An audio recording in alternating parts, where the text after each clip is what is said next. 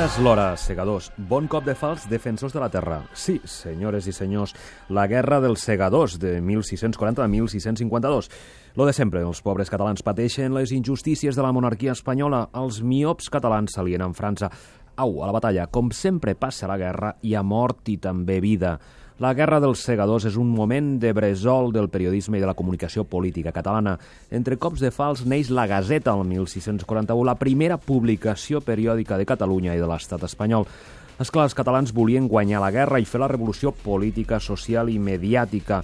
I la revolució ve del nord de França. Els catalans miren els amics revolucionaris francesos.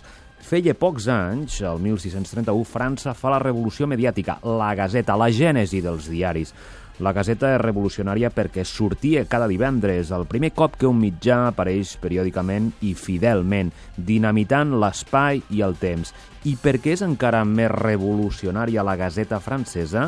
Perquè surt fruit dels spin doctors de Lluís XIII, de Renador, metge i periodista, assessor del rei, i, com no, beneïda pel rei dels spin doctors, Richelieu.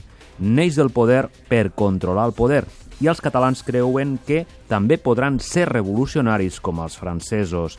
Informar per controlar i a sobre guanyar diners. Au, ja tenim la Gazeta Revolucionària Catalana i en català. Però va durar poc. Es va acabar el 1642, però la mort serà una major naixença, com va dir el poeta, i apareixen més i més gazetes per tot Catalunya. Eren una prova de l'adhesió de Catalunya al Regne de França.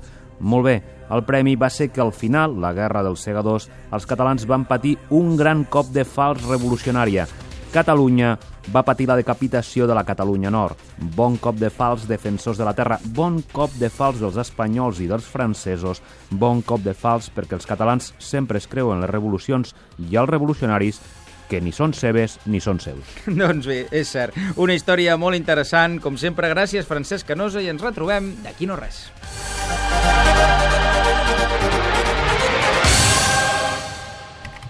Toni Aire i els Spin Doctors a Catalunya Ràdio.